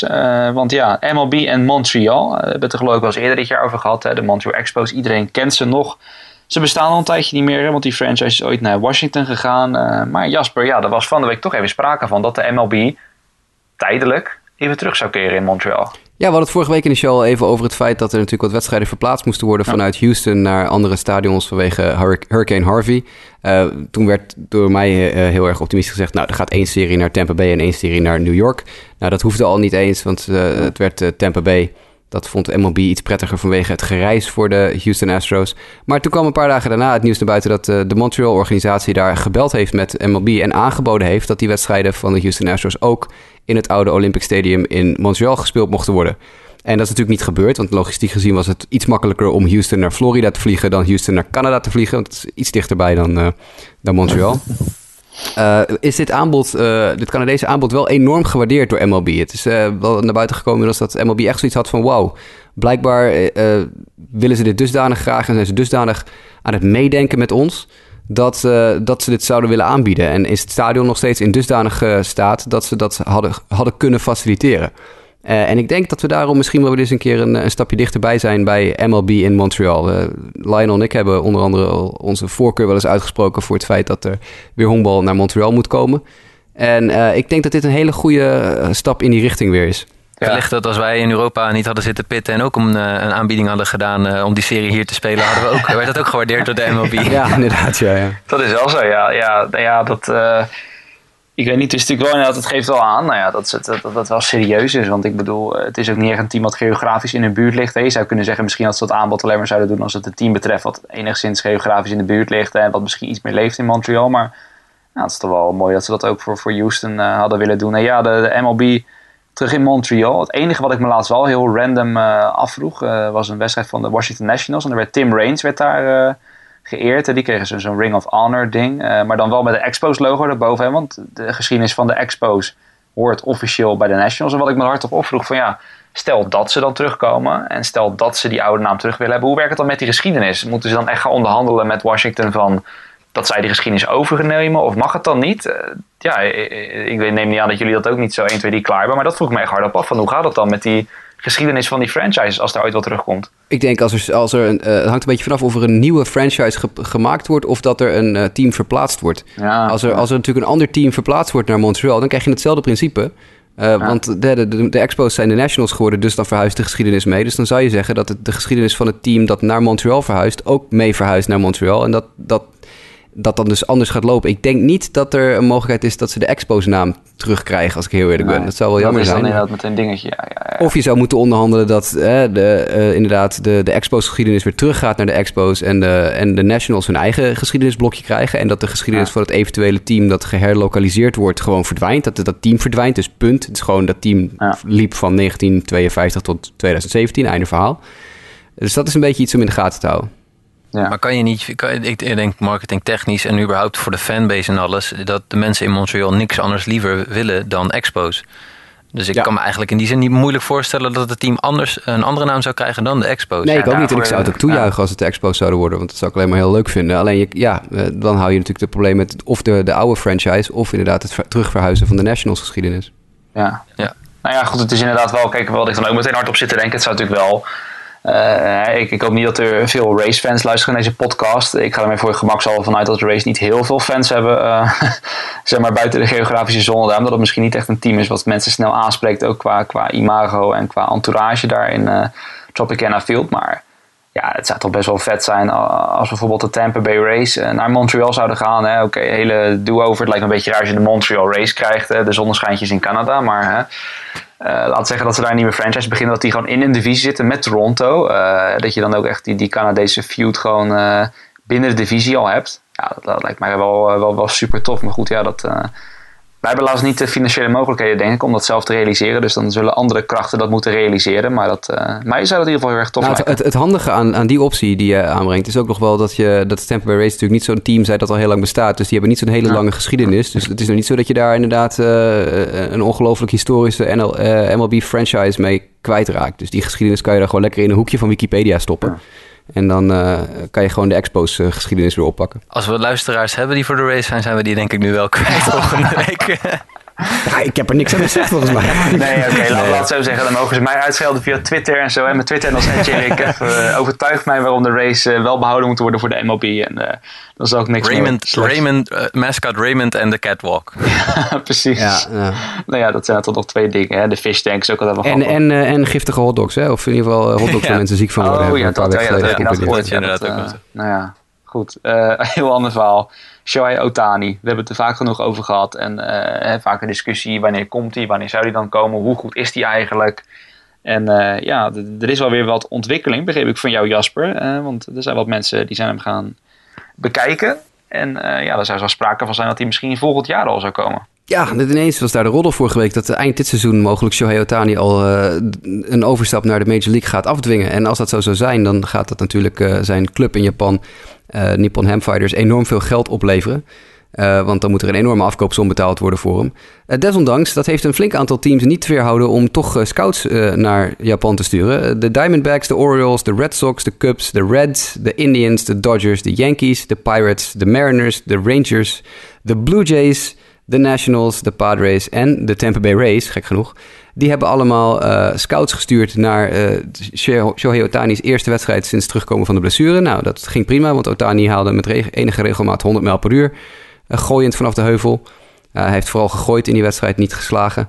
Uh, dus ja, desondanks, ondanks die mogelijk enorme afkoopsom die er uh, boven zijn hoofd hangt, uh, zijn er toch best veel teams geïnteresseerd in, in de diensten van deze Japanse ster.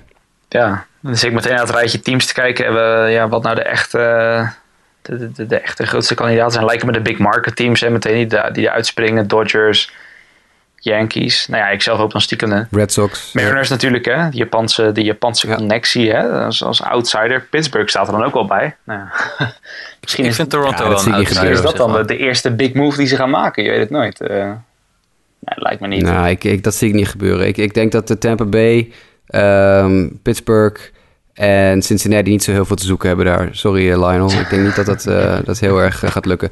Baltimore zou in theorie nog kunnen maar ja, die, die willen misschien ook wel uh, volgend jaar, eind volgend jaar, een flink bedrag gaan gooien richting Manny Machado als die free agent is. Dus dan moeten die een beetje geld besparen. Hetzelfde geldt voor Washington, die natuurlijk een 400 miljoen contract op Bryce Harper aan het voorbereiden zijn voor volgend jaar of het jaar daarna.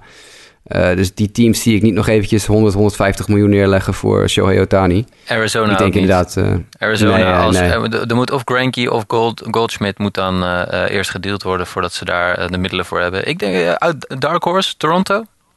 Ja. Het zou best kunnen. Toronto zie ik nog wel, die hebben nog wel wat geld. San Diego hebben natuurlijk heel veel geld, want die hebben totaal geen, geen dure spelers op hun, uh, op hun roster staan nu. Maar het is ook niet zo'n hele super grote markt. Uh, de Cubs, die hebben natuurlijk al het geld van de wereld op dit moment. Die kunnen alles doen en laten wat ze willen, want die harken een godsvermogen binnen elk jaar met, uh, met al hun merchandising en hun attendance en dat soort dingen. Indians zie ik ook niet gebeuren. Die hebben ook gewoon de financiële middelen er nu niet voor. Maar een two-way player, is dat dan gunstig om dan naar de American League of naar de National League te gaan? Ik, ik ben wel benieuwd hoe... Uh, hij gaat geen two-way player worden in Amerika. De, hoe graag Lionel het ook wil, we kunnen er nog wel een keer een uitgebreide podcast aan wijden. Uh, puur economisch gezien is een two-way player niet haalbaar voor de Major League. Want je, je kan niet je superster werper hebben die je vervolgens de wedstrijd daarna, uh, weet ik veel, op korte stop of zoiets dergelijks zet, omdat hij dan kan slaan. En dat hij dan zijn arm vergooit of zo. Dat kan, je gewoon, dat kan je gewoon niet hebben. Ik denk niet dat er ooit een echte two-way player gaat komen. Omdat het gewoon economisch gezien een te groot risico is. Met, met spelers die zoveel geld kosten als Shohei Otani bijvoorbeeld. Maar dan zou, dan, dan zou de National League dus wel een optie zijn. Omdat je dan als pitcher sowieso al wel de, de slagbeurten binnen hebt. In zijn geval zeker, absoluut. Ja. Maar goed, ja, kijk, ik denk dat hij gewoon gaat waar het meeste geld is. Dat zou ik ook doen als ik hem was. Het lijkt me op zich niet de meest slechtste beslissing die, die je kan nemen. Nee, ik zou ook het geld pakken inderdaad. Eh, als je zelf dan moet bewijzen op het Major League niveau hebben nog twee andere dingen hier staan. En uh, nou ja, dan geven we dat een beetje door aan Mike. Want we hadden het vooraf erover. Het zijn een beetje de boulevardachtige nieuwtjes. Maar hè, niettemin, ook die moeten aan bod komen. Ja, allereerst Pete Rose hebben we het al vaak over gehad. De, de bekende Reds legend die ja, wiens carrière na het honkbal eigenlijk uh, ja, vooral bekend staat om alle zaken die er omheen spelen. En uh, de heisa en tumult en beschuldigingen van allerlei dingen. Want ja, we hadden het een tijd geleden geloof ik over in een podcast waar ik zelf niet bij was. Maar uh, ja, het heeft nu wel een baan gekost hè Mike, de laatste ontwikkelingen rond Pete Rose. Ja, eigenlijk is het, uh, het verhaal nog steeds een beetje hetzelfde. Destijds ging het om een, uh, een weekendje uh, voor Hall of Fame spelers, als ik me goed herinner, van de Philadelphia Phillies. Waarbij een Pete Rose bobblehead of iets dergelijks uitgereikt zou worden. Nou, dat werd allemaal gecanceld toen aan het licht kwam dat er een, een zaak speelde waarbij Pete Rose met een minderjarig meisje een seksuele relatie zou hebben gehad. en nu heeft Fox Sports hem ontslagen. Hij zou in maart werd nog bekendgemaakt dat hij daar voor Fox Sports analyse zou gaan doen. Maar die hebben nu ook, uh, nu het onderzoek nog loopt en er bepaalde uh, onderdelen van uh, aan het licht zijn gekomen, gezegd van wij gaan niet verder met Pete Rose. hij zou in de jaren 70 dat hij daar speelde bij de, bij de Reds een, een, seksuele relatie, een seksuele relatie hebben gehad met een meisje dat 16 was. En volgens de eh, rechten in Ohio is dat, laat maar zeggen, toegestaan. Maar uh, Fox en dergelijke vinden dat totaal niet toegestaan. Dus die hebben gezegd van wij willen hier niet mee geassocieerd worden. En nemen afscheid van Pete Rose. Dus uh, ja, we gaan het afwachten. We volgen Pete Rose zijn ontwikkelingen ongetwijfeld verder. Ja. Maar voor nu is het einde verhaal Pete Rose bij Fox Sports ja, nou ja, het is inderdaad, je kan er weinig van vinden inderdaad. Het, is gewoon treurig telkens wat voor dingen dan weer spelen rondom Pete Rose. En uh, nou ja, zeggen, bij Fox Sports vond ik hem altijd wel een, grappige persoonlijkheid. Neem nooit een, blad voor de mond. En ja, in dat opzicht gaat hij wel gemist worden. Maar ja, in, ja, ik snap het ergens ook wel dat ze die beslissing dan nemen. Dus het is niet anders. En ja, iets anders is dan Derek Norris. Want die hebben we ook eerder behandeld. En ja, hem wacht een schorsing.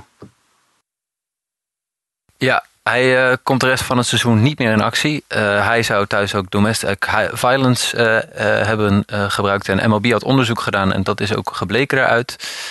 dat betekent voor hem, hij was al free agent, want hij was gereleased door de, door de Tampa Bay Rays. daar zou hij nog enig salaris van krijgen, maar ook daarvan wordt hij nu door deze schorsing, zal hij dat niet ontvangen. Dus Derek Norris zit de rest van het seizoen thuis zonder werk, zonder inkomsten. Voor de dingen die hij gedaan heeft. Dus uh, ik, uh, ik begrijp de straf van MLB wel. Ja, dan is het allemaal maar de vraag natuurlijk. Hè, vooral gezien het feit dat er in steeds meer sporten, hè, vooral het Amerika voetbal, wat ik dan heel erg intensief volg, dat daar heel erg wordt gehamerd. Dat er steeds strengere straf wordt uitgedeeld voor domestic violence. Iets wat ooit vaak werd weggedaan met een paar wedstrijden schorsing. Dat het tegenwoordig echt terecht een, een, groot issue van wordt gemaakt. En ja, dan is het ook maar de vraag met Derek Norris, die geloof ik niet al te beste periode achter zich heeft op het veld. of er überhaupt nog teams zijn die zich daaraan willen branden. Ja met, met, met, dat soort zaken in het verleden. Maar goed, uh, ja, het, het, is inderdaad volledig begrijpelijk. En ook Derek Norris ja, gaan we voorlopig dus even niet zien. En ik vraag me dus hardop af of we hem überhaupt wel terug gaan zien. Dan hebben we nog het laatste dingetje. Hè, van, van spelen even iemand die dus verdwijnt in Derek Norris. Gaan we naar wat spelers die juist in de MLB komen. En die ja, tot op, in zekere zin de MLB verrijken met hun talent, Jasper. Want die hebben natuurlijk de Prospect Watcher. En vooral de laatste tijd. Kijk je dan naar de prospects die er dan in de MLB terechtkomen. En deze week zijn er weer een paar bijgekomen.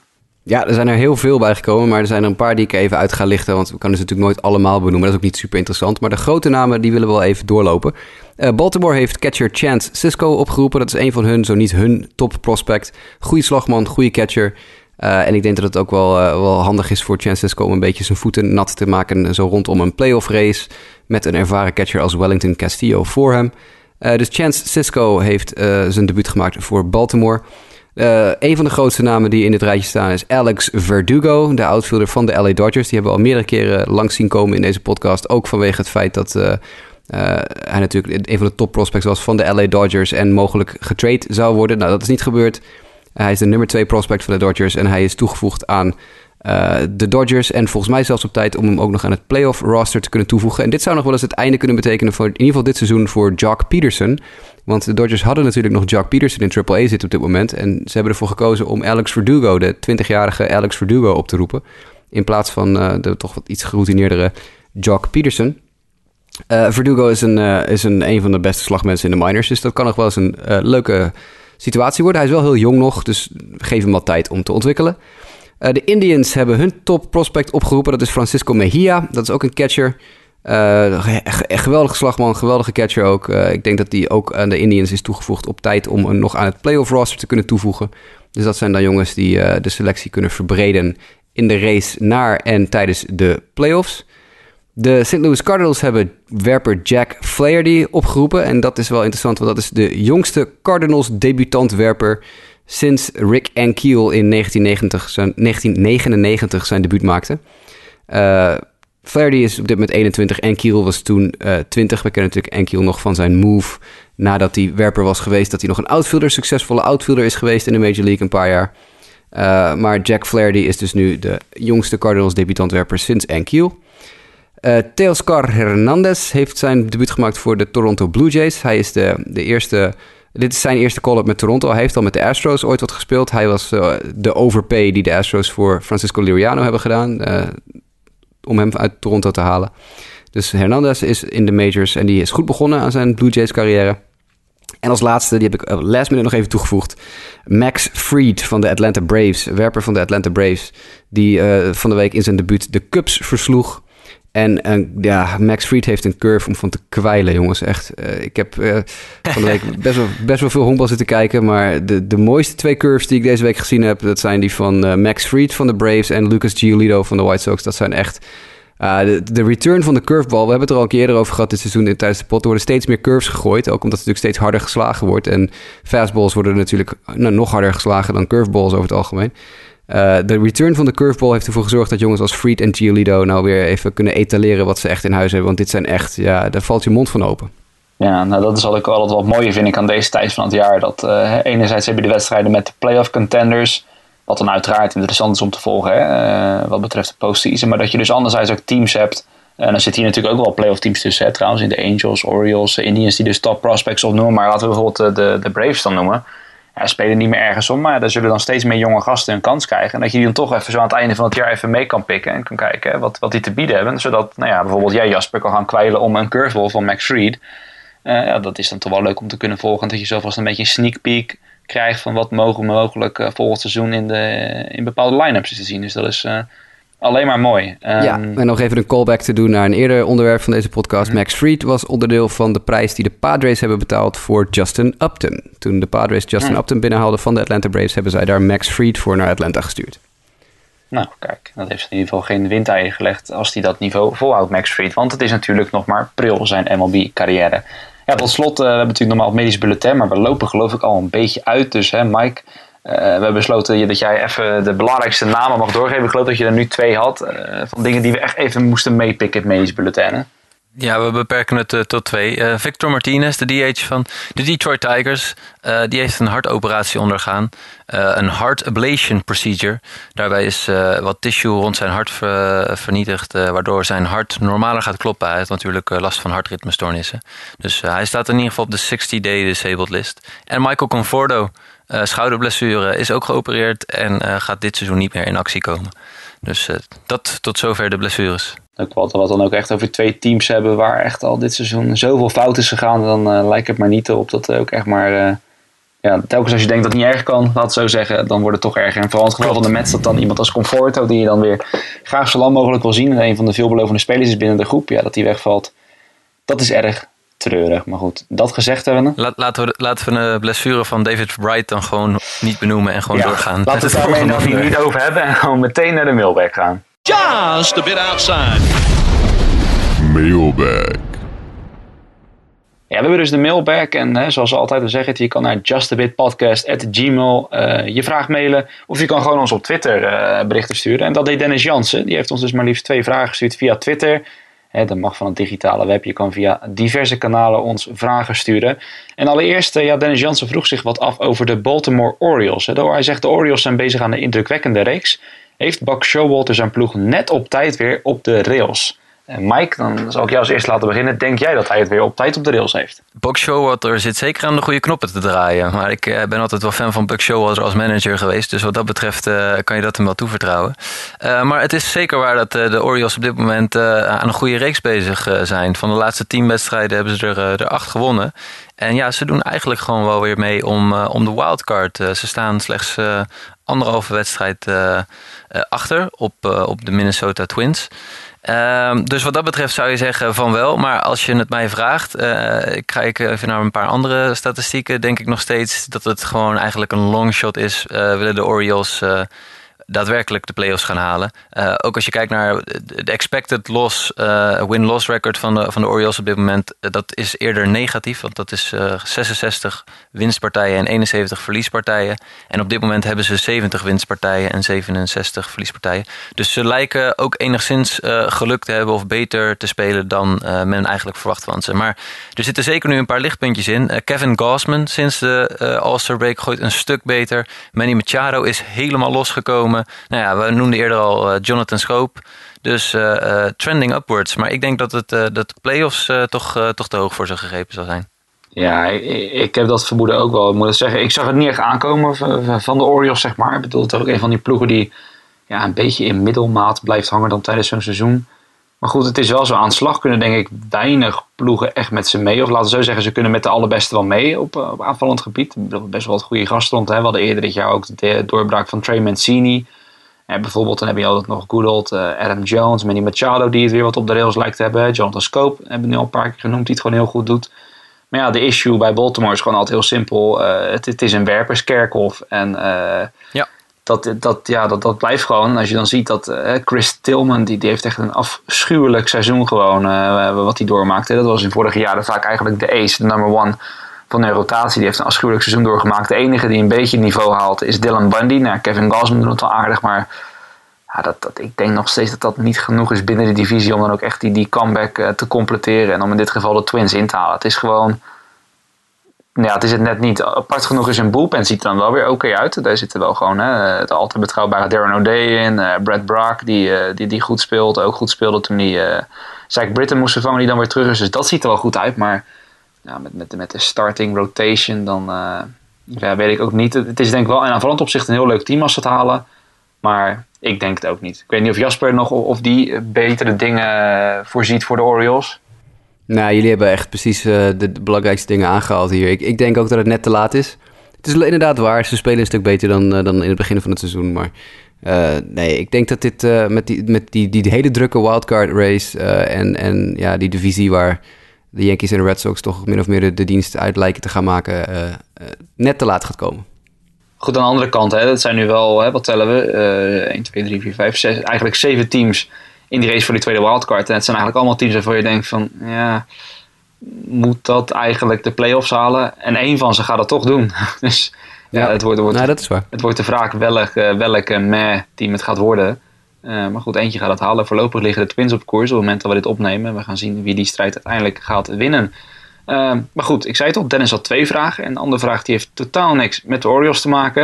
En het is wel een hele intrigerende vraag. en dan noemen we het zelfs een gewetensvraag. Hij zei namelijk, rangschikt de volgende werpers op basis van dit seizoen. Dus hij heeft ons vijf werpers gegeven. Die mogen wij in onze rotation in gaan vullen. Hij heeft hij niet de minste namen doorgegeven. Namelijk Clayton Kershaw, uh, Corey Kluber, Chris Sale, Max Scherzer. En tot slot de lieveling van Mike natuurlijk, Zach Greinke. En um, nou, laat ik zelf anders maar meteen het spits afbijten. Wat ik met mijn rotation zou doen ik zou, en ik heb, moet hier, terwijl ik hier naar kijk, nog steeds over nadenken. Maar ik ga gewoon puur op intuïtie af, zeg ik hierbij. Eh, gewoon op wat ik heb gezien en wat ik denk. En uh, waar ik mij het beste bij voel. Als ik een manager zou zijn, ik zou met Sale beginnen. En dan zou ik Scherzer op 2 zetten. En dan zet ik Kluber op 3, uh, eh, Kershaw op 4 en Granky op 5. Daar ga ik de playoffs mee in. Mike, waar ga jij de playoffs mee in? Ik, ik, uh, ja, die komt bij mij ook een beetje uh, voorkeur gewoon aankijken. Ik zou beginnen met Corey Kluber. Uh, ik vind dat hij een heel goed seizoen staat te spelen. Ik zou hem opvolgen door Max Scherzer. Maar ja, hè, dat is een homegrown product van de Diamondbacks. Dus daar zit wel wat bias in. En dan Chris Sale. Ik weet, ik, je kan eigenlijk niet om Chris Sale heen op plek 1 of 2. Maar ik ga het toch doen. en dan ga ik op 4 voor Zach Greinke. En wel om de volgende reden. Daar wil ik even een case voor maken.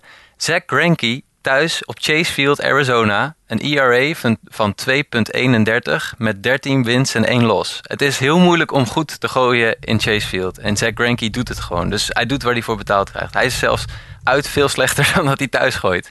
Dus, uh, en dan ga ik, ja, hij heeft het laagste war, het wins, laagste wins above replacement van deze vijf. Clayton Kershaw op vijf. En ja, dat is natuurlijk complete bias richting de Diamondbacks, maar oké. Okay. nou ja, Jasper. Jij, eh, ik heb begrepen, jij had statistieken klaar. Dus uh, jij mag nu op. Uh, wij hebben het een beetje op intuïtie gedaan en homerism. En nu mag jij echt de goed doordachte rotation gaan doorgeven. Wat is statistisch het beste? Ja, nou ja, kijk, het punt is, ik, ik ging dit ook een beetje in met het idee van, ik, ik ga gewoon lekker een beetje bedenken van, oké, wie, wie, zou, wie zou ik op mijn gevoel doen? En toen kwam ik natuurlijk meteen uit bij Chris Sale op één. En toen dacht ik, ja, dan ga ik gelijk natuurlijk weer beschuldigd worden inderdaad van homerism. Omdat we algemeen bekend is dat, dat, dat ik een zwak heb voor Chris Sale. Ook vanwege zijn, natuurlijk zijn geweldige White Sox geschiedenis. Maar ook omdat het natuurlijk gewoon, ja, een hele goede werper is. En toen dacht ik, dan moet ik het misschien maar eens heel goed gaan, gaan onderbouwen... hoe ik mijn rotation op zou, op zou bouwen. Want eerlijk gezegd, ik had ook een situatie waarin ik met Kluber was begonnen en inderdaad Scherzer enzovoort enzovoort. Maar ik, ben, ik heb hem veranderd. Ik ben op, op één sale. Daar, daar, daar, daar kom ik niet aan. Het is simpel. Sale heeft met afstand de meeste strikeouts in de majors op moment. 270, echt met afstand. Hij heeft iets meer innings gegooid dan Max Scherzer dit seizoen. 17 meer innings. Hij heeft 11 meer innings gegooid dan Kluber dit seizoen. En heeft net als die twee een whip onder de 1. Dus dat, als je die drie vergelijkt, want het is inderdaad een soort tweescheiding hierin voor mij. Het is Sale, Kluber, Scherzer, die moet je in de volgorde zien te zetten. En Kershaw en Granky, die komen er een beetje achteraan. Nou, Sale voert de majors aan uh, op strikeouts per 9. Hij heeft dus 12,8 strikeouts per 9 innings gemiddeld. Scherzer zit op 12,1, Kluber zit op 11,8. Uh, Sale voert de American League aan op walks per 9. Slechts 1,8 walks per 9 innings komen van Chris Sale, uit Chris Sale's arm. Dus hij voert de American League aan op, in die stat. Uh, hij heeft een FIP, een Fielding Independent Pitching. Uh, dat heeft te maken met het feit dat ze kijken naar hoe goed je veld achter je speelt. Dus dat was meer een, een, uh, een ERA waar dan het veld een beetje uitgehaald wordt. Is 2,20 voor Chris Sale. En ook dat is het beste in de American League. En dat doet hij allemaal, dus hij voert al die statistiekjes aan... terwijl hij ook met afstand de meeste innings heeft gegooid... van elke werper in de Major League. Dat is, daar ontkom je dus niet aan. Hij heeft natuurlijk twee enorme klunkers tegen gehad dit jaar. Hij heeft één keer zeven earned runs tegengekregen en één keer vijf earned runs. Dus ging je kijken naar de, de game log van Corey Kluber. Nou, Corey Kluber heeft ook één wedstrijd gehad waarin hij vijf runs tegenkreeg... en één wedstrijd gehad waar hij zes runs tegenkreeg. Kershaw heeft ook een wedstrijd gehad waar hij zes earned runs tegen, uh, tegenkreeg. Uh, Scherzer is meerdere keren dit seizoen al geblesseerd geweest en is eruit. Daar ben ik ook naar gaan kijken. En dat is natuurlijk denk ik ook bij jullie de reden dat Kershaw wat gezakt is. We moeten op basis van dit seizoen kijken. En Kershaw heeft gewoon dit seizoen niet voldoende gegooid om echt heel veel indruk te maken, want hij is gewoon veel geblesseerd geweest. Nou, dan komt voor Chris ook nog bij. Hij heeft natuurlijk meerdere records gebroken. Dat hebben we ook een aantal keer in de podcast uh, besproken. Waardoor hij in hetzelfde rijtje staat als Pedro Martinez en de Big Unit. Niemand die bingo roept? Oké, ja, gaan bingo. we door. Ja, nee, Bingo, precies. ja, is er niet bij. Hij is zijn stempelkaart niet aan mij overgedragen. Dus ik, ik, eh, moest toch, bingo. ik, moest, ik moest de bingo eventjes erin gooien. Nou, dat, dat op zich, als je natuurlijk records breekt in een seizoen... eh, waardoor je in het rijtje Pedro Big Unit staat... dat op zich is al, al genoeg om je als beste werper te Ja. kiezen. Dus dat is mijn case, sale nummer 1. Dan krijg je de kwestie Kluber-Scherzer. Wie ga je als tweede doen? Nou, ik heb ook hier gekozen dan voor Corey Kluber, American League, eh, toch over de National League. En het heeft vooral te maken met het feit dat Kluber iets eh, fitter is gebleven dit seizoen. Scherzer natuurlijk al meerdere keren op de DL met nekblessures en dat soort onzin. Eh, dus dan kies je voor Kluber. Er zijn bij die statistiekjes van die twee is er niet heel veel verschil. Eh Scherzer heeft de hoogste WAR, wins above replacement van allemaal, en heeft de laagste ERA van allemaal. Kluber is een heel close second en voert de American League aan in WHIP, hits per nine en ERA plus. ERA plus is aangepast aan je stadion waar je in pitcht. Dus dat is een meer representatief ERA voor de stadions waar je in gooit. Nou, op dat gebied denk ik dan, als je dan vergelijkbare stats hebt, dan kies ik voor de, de werper die eh, het, langst het meest fit is. Dat is in dit geval Corey Kluber op 2. Max Scherzer dus op 3. Eh, Clayton Kershaw op 4. En dat heeft alles te maken natuurlijk met zijn blessure. Hij heeft pas 147 innings gegooid dit seizoen. Dat is dik 40 innings minder dan Chris Sale bijvoorbeeld. Dus dan zak je al gauw af. En dan komen we bij Zach Greinke. Want eh Zach Greinke heeft 16 wins. Daarmee eh, zou je zeggen, nou, dat gaat hartstikke goed. Maar ja, goed, wins heb je natuurlijk als pitcher niet altijd evenveel invloed op. Eh eh, Greinke gooit voor een, een team die een hele goede offense laten zien. De Diamondbacks hebben gewoon een super goede offense dit jaar. Dus dan kom je wat meer weg met foutjes. Hij heeft ook wel aardig wat strikeouts, maar een ERA van 3.08, waarmee hij het slechtste ERA van al deze werpers heeft. En dat zeg ik slechtste tussen aanhalingstekens, hè, want 3,08 teken ik elke dag van de week voor. Maar eh, van deze vijf heeft hij het minste. Daarbij vond ik nog een ander geinig statistiekje voor Zach Greinke. Zach Greinke heeft dit seizoen 11 wild pitches gegooid al. Als je de wild pitches van die andere vier bij elkaar optelt, kom je op 13. Dus hij heeft in zijn eentje bijna evenveel wild pitches gegooid als die andere vier bij elkaar. Dat vind ik ook iets waar ik toch even die ik mee ga nemen. Ah, je hebt die catches van de Diamondbacks ook nog niet zo vaak gezien. Nee. Oh ja, eh, Herm the Worm hè, was het. Ja. Ja, precies. Eh, En vervolgens, en dat is de belangrijkste misschien nog wel, is Granky de enige werper die een K per 9, een strikeout per 9 innings onder de 10 heeft. Want de andere vier zitten boven de 10. Eh, zoals ik net al zei, 12.8, 12.1 en 11.8. En Granky zit op 9.8. Dat is dus gewoon een behoorlijk stukje onder. eh, dat is gewoon twee hele strikeouts onder, de, de, onder Corey Kluber. Eh, dus wat dat betreft zakt Granky voor mij naar die laatste plaats. Wins, daar kan ik het nooit zo goed mee. Want dat, ja, dat- daar heb je zelf niet zo super veel invloed op. Daar heb je ook heel belangrijk onderdeel offense bij. Dus, lang verhaal kort. Ik heb het inderdaad even onderzocht allemaal. Eh, Je moet, als je de beste eh, rotation hebt, ga je Sale, Kluber, Scherzer, Kershaw, Granky. Ja. Ik- ja, is ook ik- de enige eh, die een, een whip heeft van boven de 1. Ook dat nog, ja.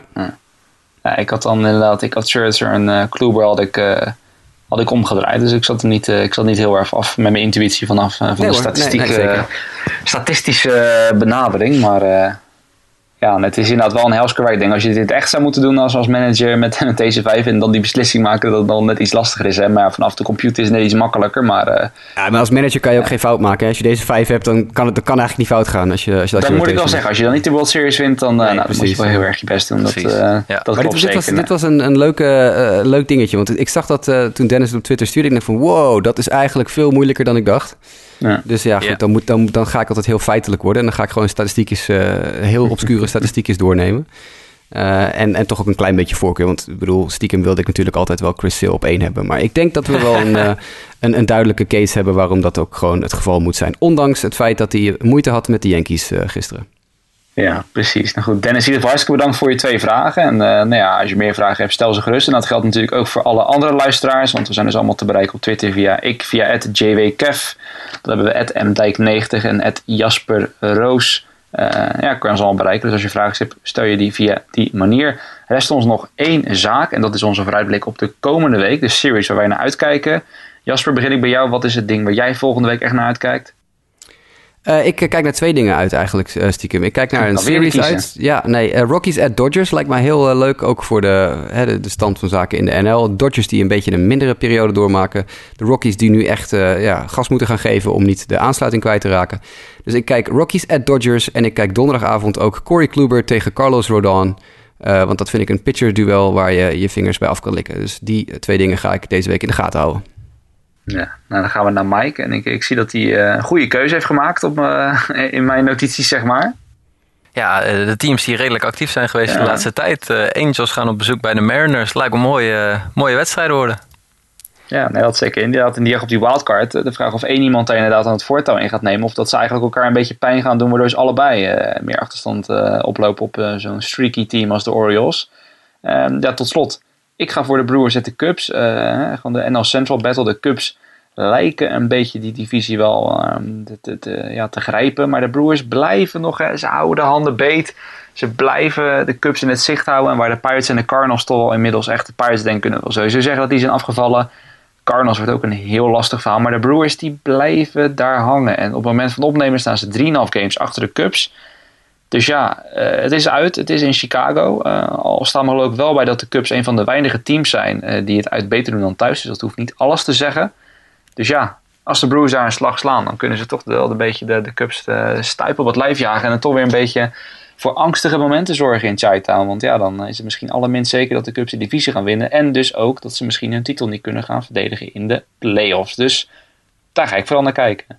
En dat gezegd hebben, zijn we dan eindelijk er doorheen. Het werd een beetje een lange show, geloof ik. Ik zie niet de timer voor me, maar ja. Hè. Ja, we zijn er veel te, ja. ja het, het, was een, het was een wilde uh, waiver trade deadline. Dus ja dan, uh, ja, dan, dan, krijg je dat. Er was helemaal veel te bespreken. Het is niet anders. Uh, Jasper en Mike wil ik jullie allebei hartstikke bedanken dat jullie weer meededen.